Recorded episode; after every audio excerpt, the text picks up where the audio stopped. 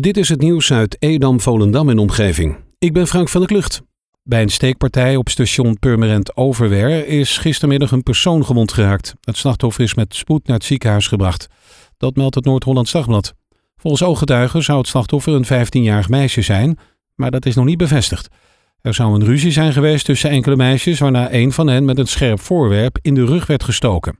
Er is nog niemand aangehouden. Een deel van het station werd tijdelijk afgezet voor onderzoek. Op de A7 tussen de afritten Weidewormer en Avenhoorn zijn gistermiddag meerdere auto's betrokken geraakt bij een ongeval.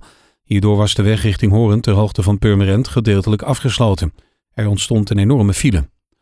Joey Veerman staat wellicht voor een overstap naar de Premier League. De Volendammer, die sinds vorig jaar bij SC Heerenveen speelt, staat in de belangstelling van de middenmotor Southampton. Scouts van de Engelse club zaten afgelopen weekend op de tribune om de middenvelden te bekijken. Ze zagen Veerman het enige doelpunt van de wedstrijd maken tegen VVV Venlo. Ook vanuit Spanje zou interesse zijn. Veerman verlengde eerder deze zomer zijn contract bij Heerenveen tot en met na de zomer van 2024. De Rijksoverheid heeft nieuwe landelijke maatregelen aangekondigd om het aantal besmettingen met het coronavirus terug te dringen. De nieuwe maatregelen gingen gisteravond om 6 uur in en gelden in ieder geval voor drie weken. Hiervoor geldt ook een nieuwe noodverordening in de regio Zaanstreek-Waterland. De maatregelen in de noodverordeningen zijn erop gericht om de kans op de grote drukte te voorkomen en het aantal sociale contactmomenten tussen mensen te beperken, zonder de samenleving en de economie op slot te gooien. Op de Zuiderweg in Zuidoost-Beemster is gisteravond een brommerrijder gewond geraakt bij een botsing met een busje. Het ongeval gebeurde toen de automobilist een fietspad moest passeren om een woonerf op te kunnen rijden. De twee weggebruikers zagen elkaar over het hoofd met een botsing als gevolg. De bestuurder van de brommer liep nekletsel op en is overgebracht naar het ziekenhuis. Een voormalig bestuurder van genadenbedrijf Heiploeg uit Zoutkamp moet de curatoren van het failliete bedrijf een boete van 13 miljoen betalen. De rechter vindt dat Hendrik Nienhuis verantwoordelijk is voor de illegale prijsafspraken die genadehandelaren onderling en met vissers maakten.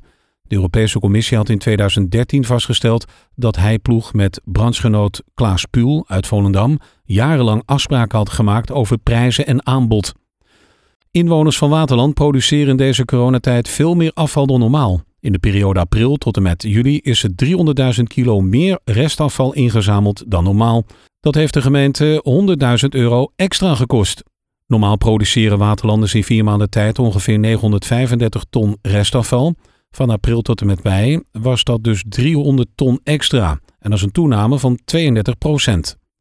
Via Twitter komen berichten binnen dat FC Volendam met AEK Athene in gesprek is om de 21-jarige jeugdinternational Giannis Iatroudis te huren van de Griekse topclub.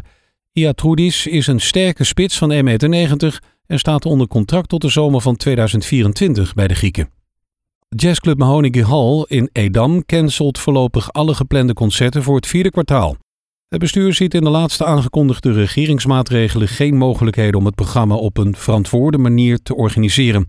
Alle leden die voor het aankomend concert van Bruut al de toegangskaart hadden besteld, krijgen via de penningmeester het geld weer terug. De jazzclub vraagt nogmaals begrip voor de situatie. Tot zover het nieuws uit Edam, Volendam en omgeving.